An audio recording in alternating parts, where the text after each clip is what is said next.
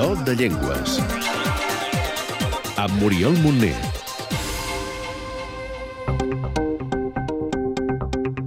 Nom, Francès. àrea geogràfica, França, Mònaco, Bèlgica, Suïssa, Haití, Quebec, bona part dels països africans i illes del Pacífic. nombre de parlants, 170 milions. Situació o estatus legal, Oficial a França i a la resta de territoris. Reconeixement legal a Louisiana, als Estats Units. família o origen, Indoeuropea, branca, romànica, grup, occidental, sistema d'escriptura, alfabet llatí. El francès és una de les llengües llatines més esteses del món. Té una força immensa i es parla als cinc continents. És una de les llengües de més prestigi, llengua de la diplomàcia, del moviment olímpic i de cerimònies oficials. Alain Saragós, professor de francès de l'Institut Francès de Barcelona. con tantos locutores, eh, claramente el francés tiene una vida interna, yo diría intensa, ¿eh? una evolución constante de, de los usos eh, del francés alrededor del mundo. Tenir tants parlants a tants llocs diferents enriqueix i varia la llengua. En francés, para hacer las compras, se dice je vais faire des courses, faire des vitrines. Y el, el canadiense te va a decir je vais magasiner. No és una llengua gaire dialectalitzada i les diferències a la francofonia són majoritàriament de pronúncia. Així com l'occità deriva de la llengua d'oc, d'aquí en ve el nom, el francès deriva de la llengua d'oi, la manera com es deia sí, que ha acabat en oui. La llengua d'oi es parlava als voltants de París. El conegudíssim centralisme francès ja va començar llavors?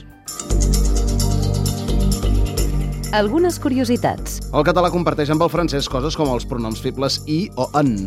Un exemple, vaig al Camp Nou i vaig. Je vais au Camp Nou, j'y vais. I un altre amb l'en. Menjaràs bombons? En menjaràs? Vas manger des bonbons, tu vas en manger. I també compartim el pas en la negació. Je ne parle pas bien catalan. S'ha entès, oi? El francès és la més evolucionada de les llengües romàniques, és a dir, la més allunyada del llatí. Com s'explica que en totes les altres llengües paraules com via o aigua, per exemple, siguin pràcticament iguals que via o aqua en llatí, mentre que en francès han evolucionat fins a voir i o? Hi ha qui ho atribueix al fet que és la llengua llatina més influenciada per les llengües celtes.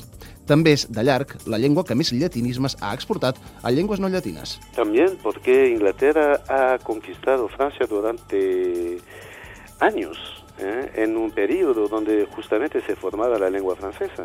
Los lingüistas especializados, todos están de acuerdo para decir que más de 60% de la lengua inglesa viene del viejo francès. Però també hi ha llatinismes del francès a l'alemany o al rus. I aquí no li ha cridat l'atenció que en francès hi hagi tants casos de vocals juntes que formen un so diferent. A, I fa E, O, I, U fa U i d'altres. I és que el francès escrit està molt allunyat del parlat. El sonido E en francés lo podemos escribir por lo menos de cinco maneras diferentes. Se puede escribir E con acento agudo, ES, EST, EZ. I per què totes les paraules són agudes? Sembla que això ja passava en el llatí vulgar. I la infinitat d'accents a les paraules? N'hi ha per tornar-se simple en paraules que tenen fins a cinc accents. Te va, va a diferenciar básicamente el sonido. Ah, Vamos a diferenciar E, di E. I encara hi ha l'accent circunflexe, que està desapareixent per ser una resta d'antic francès. En la palabra ventana, fenêtre, lleva uh, accent circunflexe, uh, perquè en el antiguo francès se pronuncia fenestre. Doncs bona mostra de llatinismes arribats a l'anglès és aquell famós cul de sac que es veu escrit als carrers d'Anglaterra. Cul-de-sac. Encara que coincideixi amb el català, ve del francès i vol dir, evidentment, carrer sense sortida. quatre pinzellades de la llengua, Qui no coneix quatre paraules en una llengua tan bonica? És arxiconeguda la fórmula pel bon dia. Bonjour. Bona nit. Bonne nuit. Ou bonsoir. Adeu és literalment a reveure. Au revoir. Segur que sabeu dir t'estimo. Je t'aime. Amb sí i no es veu bé perquè es deia llengua d'oi. Oui et non. Una altra semblança amb el català, si us plau. S'il vous plaît. Gràcies o mercès. Merci. Un joc de paraules perquè practiqueu la famosa R francesa. Trois gros rats dans trois gros trous croquaient trois grosses carottes crues. déu nhi ni l'Edith Piaf. Aprenem a comptar de l'1 al 10? 1, 2, 3, 4, 5, 6, 7, 8, 9, 10.